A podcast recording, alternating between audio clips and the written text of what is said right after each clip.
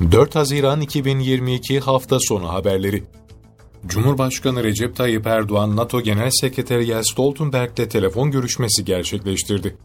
Cumhurbaşkanı Erdoğan görüşmede İsveç ve Finlandiya'nın üyelik taleplerine dair Türkiye'nin güvenlik endişelerinin haklı ve meşru temellere dayandığını belirtti.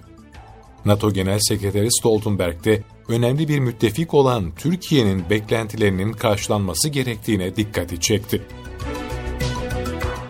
Yunan Büyükelçi Lazaris, ülkesinin terör örgütlerine sağladığı imkanlar ve Atina'daki Türk Büyükelçiliği civarında düzenlenen PKK gösterisi nedeniyle Dışişleri Bakanlığı'na çağrıldı. Görüşmede Yunanistan'daki Türk temsilciliklerinin ve vatandaşların güvenliğine yönelik kaygılar da dile getirildi. Terörle mücadelede etkili işbirliği beklentisi tekraren ifade edildi. Ayrıca Yunanistan'ın terörle mücadelede komşuluk ilişkilerinden ve uluslararası hukuktan kaynaklanan yükümlülüklerini yerine getirmesinin gerekliliği de vurgulandı.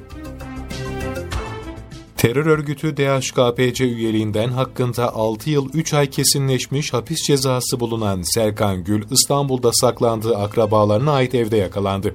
Aydın Büyükşehir Belediyesi'nde hemzemin geçit görevlisi olarak çalışan Serkan Gül'ün, Bolu Cumhuriyet Başsavcılığınca 2014 yılında başlatılan soruşturma sonunda açılan davada terör örgütü DHKPC'ye üye olmak suçundan aldığı 6 yıl 3 ay hapis cezası kesinleşti.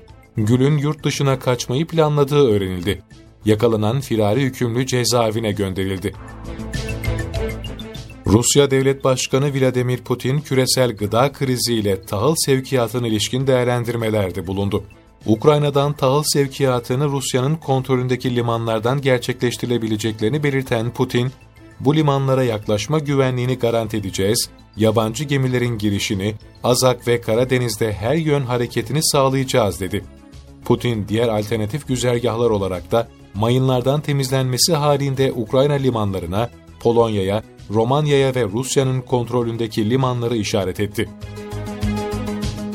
Ukrayna Dışişleri Bakanı Dimitru Kuleba, Odessa limanından ihracatın yeniden başlamaya hazır olduğunu ancak Rusya'nın Odessa'ya saldırmak için ticaret yolunu suistimal edeceğini belirtti. Bakan Kuleba Twitter'dan yaptığı açıklamada Ukrayna Odessa limanından ihracat yeniden başlatmak için gerekli şartları oluşturmaya hazır ifadesini kullandı. Kuleba, Rusya'nın şu ana kadar garanti vermediğini ve Birleşmiş Milletler ve müttefiklerle çözüm arayışında olduklarını kaydetti. Milli Eğitim Bakanı Mahmut Özer, yaz dönemi destekleme ve yetiştirme kurslarıyla yaz okulları için öğrenci başvurularının 15-18 Haziran'da alınacağını bildirdi.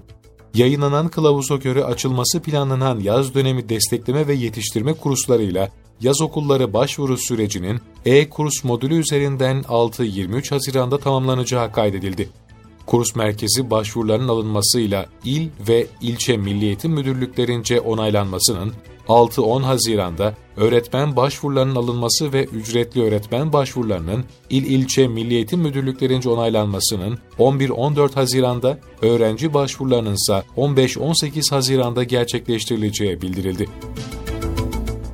Diyanet İşleri Başkanlığı kurban hizmetlerinin uygulanmasına dair tebliğ resmi gazetede yayımlandı.